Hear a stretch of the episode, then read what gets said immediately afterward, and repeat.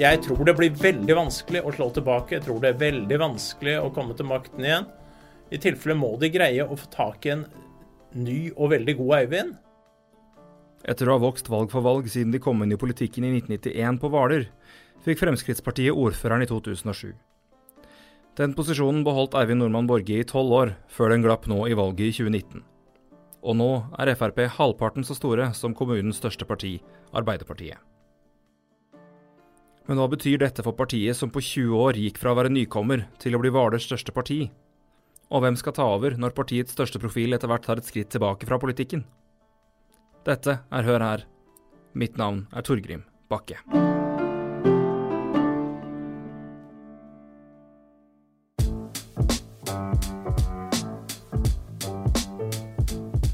Fremskrittspartiet gjorde sitt inntog i lokalpolitikken på Hvaler i 1991, når partiet stilte til valg i kommunen for første gang. Da fikk de 120 stemmer, som utgjorde litt over 7% Etter et marginalt bedre valgresultat i 1995, på litt under 8% av stemmene, tok partiet et stort steg i valget i 1999. 13,6% av stemmene ble resultatet, og fire år senere fortsatte framgangen med 14,5% Men den største fremgangen kom i 2007. Med over 27% av stemmene var de nå kommunens største borgerlige parti, og partileder Eivind Normann Borge ble kommunens ordfører. FrPs framgang på Hvaler skjedde parallelt med partiets nasjonale vekst. I 2007 hadde partiet altså sitt beste kommunevalgresultat noensinne, med 17,4% på landsbasis. Og i stortingsvalgene i 2005 og 2009 fikk partiet over 22% av stemmene. Men da nedturen kom på landsbasis, fortsatte framgangen på Hvaler. I 2011 ble de kommunens største parti, med 32,1% av stemmene. Og fire år senere hadde de kun en marginal nedgang i antall stemmer når de endte på over 29% De gode resultatene sikret Frp og Eivind Nordmann Borge ordførerkjede i tre valgperioder. Men i høstens valg kom den første reelle smellen for Hvaler Fremskrittsparti. Partiet endte på 18,2% 11 prosentpoeng mindre enn for fire år siden. De er fremdeles nest størst i Hvaler, men nå er de halvparten så store som Arbeiderpartiet, som overtok ordførerkjedet i kommunen. Så hva nå? Er resultatet fra forrige valg kun en naturlig reaksjon etter tolv med ordføreren, eller er dette starten på slutten for FrPs posisjon som kommunens fremste parti på høyresiden? Det skal vi snakke mer om nå.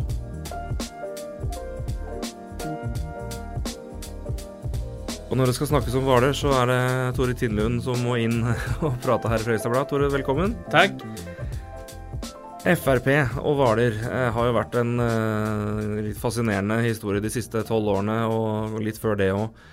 Hva er det som er grunnen til at Frp fikk den posisjonen de har hatt på Hvaler såpass lenge nå? Jeg tror veldig mye av dette her ligger i personen Eivind. Eh, det var som en av hans politiske rivaler sa til meg en gang. Var det Fremskrittsparti? Det er han Eivind, det. Uten Eivind går det ikke.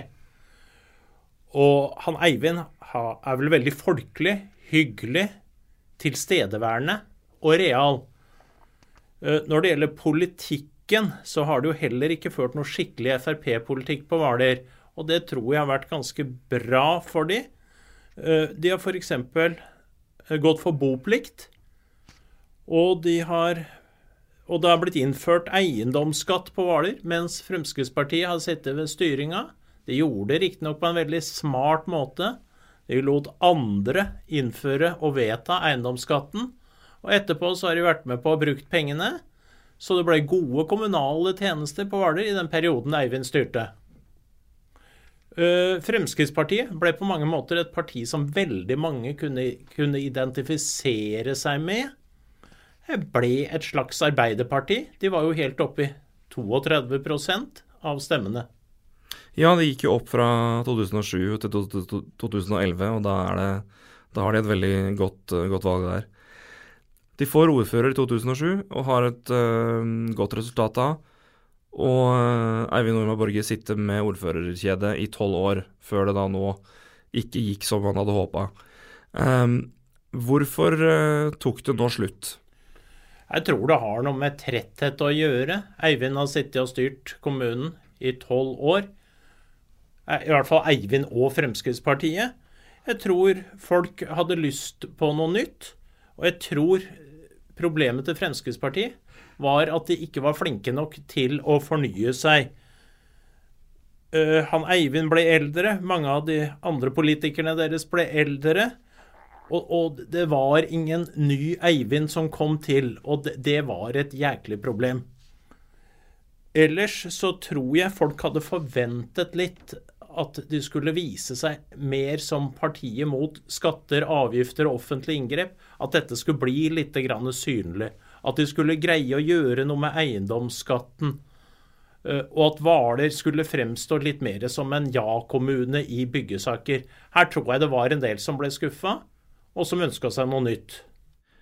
Du nevner jo eh, skatter og avgifter, og at ikke det ble redusert veldig i løpet av de tolv åra de sitter. Er det noen andre ting som eh, man kan peke på som eh, kanskje spilte inn på slitasjen, om vi kan kalle det det, da, gjennom tolv år? Altså, Skolesaken ble jo et jækla problem. Fremskrittspartiet ville først ha, ha to barneskoler. Og så så de etter hvert at dette her gikk ikke økonomisk, og så skiftet de og gikk i tospann med Høyre for å få sentralisert alt. Der var det nok mange som ble skuffa over Fremskrittspartiet. Jeg tror nok at de har tapt en del stemmer på dette her. Og så har du problemet med sprekken i Høyre. Ja, hvordan, den, hvordan påvirker den Frp? Den Frp var helt avhengig av å få med seg Høyre, og kanskje et sterkt Høyre, for, for eh, å kunne komme på, i posisjon etter valget som var i høst. Og som vi vet, så ble det fullstendig splittelse og oppvask i Høyre. Det delte seg i to forskjellige partier eller to forskjellige lister. Og Fremskrittspartiet fikk færre stemmer enn de hadde forventa. Og i sum så ble dette her riktig så svakt, eh, så det var veldig enkelt for Mona Wauer å overta. Du har vært inne på skatter og avgifter, og at Frp på Hvaler kanskje ikke var helt uh, lik den uh, nasjonale modellen i måten man uh, jobba mot eller, eller, med det der. Um, på hvilken måte utover eiendomsskatten uh, manifesterte det seg? Jo, på Hvaler der var absolutt skatter og avgifter. Jeg husker at jeg lagde et intervju med en hytteeier som ønsket å legge ut en liten fortøyningsbøye. Og han ønsket å gjøre dette her på lovlig vis. Og da viste det seg, når han henvendte seg til Hvaler kommune, så fikk han beskjed om at dette her koster det 23 000 kroner å få saksbehandlet. Jeg ringte til Eivind og skulle innhente en kommentar, og Eivind Normann Borge han var enig i at dette her kunne høres urimelig ut. Men nå kan man jo undre seg hva har, hva har, skjedd med gebyrsatsene etter dette her? Har Eivind og Fremskrittspartiet greid å sette ned gebyrsatsene? Mitt tips er at det fortsatt koster 23 000 kroner hvis du skal legge ut en bøye på lovlig vis. Frp har jo tolv år med posisjon og ordføreren. Hva kan de se tilbake på som høydepunktene i den eh, perioden der? Hva var det de fikk til? Eivind Borge han hadde veldig gode kontakter oppover i partisystemet i Fremskrittspartiet. Han var en mester i å få partiets statsråder og andre storheter i Fremskrittspartiet til å ta seg en tur ut på Hvaler og se hvordan det gikk. Og disse kontaktene fikk nok Eivind brukt på en genial måte flere, flere ganger, men kanskje spesielt da Hafslund Nett skulle legge den berømmelige strømkabelen til Hvaler. Hvaler kommune hadde ikke, i likhet med Fredrikstad, penger til å subsidiere en nedgraving av kabelen i bakken. Så i utgangspunktet så skulle man ha tradisjonelle strømstolper gjennom den flotte Hvaler-naturen. Men, men, det ble litt annerledes, og det tror jeg Hvaler kan takke Eivind Borge for. Han fikk tvunget frem en løsning med at Strømkablene måtte graves ned og sprenges ned i bakken på store deler av Vesterøy. Og det, det tror jeg åpenbart var Eivind Borge sin fortjeneste. Ellers så har det jo skjedd en del positive ting på Dypedalsåsen. Der er det bygget ut uh, voldsomt. Uh, vi opplever mye tilflytting av nye skattebetalere til Hvaler. Man har lagt til rette med store, fine boligfelt. Uh, det går vel kanskje an å innvende noe mot denne byggeaktiviteten. Det, vel, det, går vel noen ganger litt på bekostning av naturen, så dette her har to sider. Boplikten, der har de jo vært med på å prøve å rydde opp og få slutt på dette jukset med at folk skaffer seg billig hytte. Jeg tror sikkert det er litt å gjøre der fremdeles, og at det stadig dukker opp noe. Men, men, men de har vært veldig prinsippfaste og ryddige når det gjelder boplikten. Uh, Eivind har kjørt en svær kampanje for å få folk til å montere solcellepaneler på taket. Jeg tror nok at Eivind må, må ta litt mer av æren for dette her enn de fleste andre. Uh, det blir en gang- og sykkelvei til Hvaler, i hvert fall en, uh, ytterligere en ny stump. Det har også skjedd i Fremskrittspartiets tid. kanskje med Fremskrittspartiet som litt mot motor, men samtidig så var det sånn at uh, dette her var ideen til Rolf Baltersen i Arbeiderpartiet opprinnelig. Så, så ting kan også være litt grann, uh, sammensatt, tror jeg. Eivind Nordmann Borge har jo vært ordfører nå i tolv år, og nå er den jobben uh, gått til Mona Wauer. Hvor aktiv vil Eivind Nordmann Borge være framover, tror du, med tanke på at han nå er ferdig som ordfører og vel også er pensjonist? Vi vil nok høre fra Eivind Normann Borge fra tid til annen, særlig i kommunestyret. Eh, men foreløpig så har det vel vært litt, litt, litt, stille. Eh, jeg vet ikke helt hva han driver med. Han er jo pensjonist. Og han skulle jo for lengst ha tatt pensjon. Eh, jeg vet at han er en lidenskapelig villsvinjeger. Jeg tipper at han får tid til å dyrke den type hobbyer. Dessuten så ser vi på Facebook at han er utrolig flink til å lage kniver. Uh, og han har også sagt at han skal litt mer ut med fiskestanga, så det er vel kanskje noen som ser han på Svabergen etter hvert. Og Hvis han da forsvinner mer og mer ut, så må eh, noen andre ta steget mer og mer opp. Er det noen naturlige arvtakere eh, som kan kanskje gjenskape litt gnisten som han eh, har klart å holde på en stund? Hvordan ser det ut?